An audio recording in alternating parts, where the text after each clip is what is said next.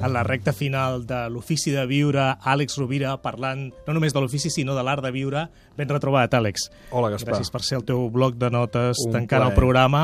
Avui parlant del talent. Ens deies l'altre dia que el talent són les virtuts en acció. Mm. I el talent habitualment l'hem vinculat a la intel·ligència, però tu potser aniries una mica més enllà. Sí, probablement, històricament, el talent efectivament s'ha vinculat a la intel·ligència, però també darrerament s'ha vinculat el talent a la intel·ligència pràctica, és a dir, no és només talentós el que en sap, sinó el que sap fer.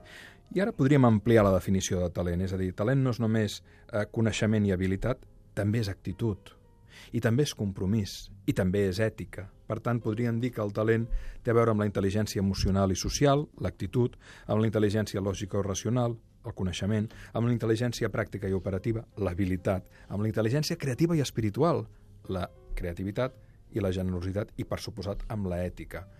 És interessant perquè avui que estem tots necessitats no només de talent, sinó de coherència, em ve al cap Sòcrates, que Plató ens el, ens el va fer arribar, i deia, què deia Sòcrates? Deia, mira, hi ha, hi ha tres grans virtuts, no? La saviesa, que és l'art de gestionar el ben pensament, la fortalesa, que és l'art de gestionar bé les emocions, i la temperança, que és l'art d'actuar bé, les accions. I deia, quan s'harmonitza el pensament amb l'acció, ets coherent. Quan s'harmonitza el sentiment amb l'acció, ets congruent. I quan s'harmonitza el pensament amb el sentiment, és consistent. I deia, i quan una persona és coherent, consistent i congruent, quan té harmonitzades les tres grans forces, el pensar, el sentir i l'actuar, emergeix la integritat.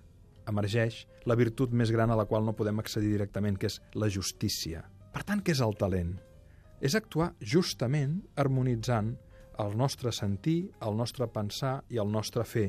Per tant, es tracta d'una intel·ligència eminentment pràctica. Dir la paraula aigua no ens mullarà mai. Ens hem de tirar a la piscina. El talent no és un do que tenim de naixement, és quelcom que hem de conrear integralment. Per tant, hem d'educar els nostres fills en l'art d'estimar, els hem d'educar en l'art de raonar, de ser crítics, de pensar bé, de tenir rigor de pensament, de no fer-se trampes, en l'art d'una intel·ligència pràctica i aplicada, i en l'art de l'ètica, que permet el bé comú. I quan fem tot això, generarem subjectes i societats justes. Com sempre, això no ho podem demanar tota l'escola. Clar, és que evidentment hi han dues funcions que van lligades, la formació i l'educació.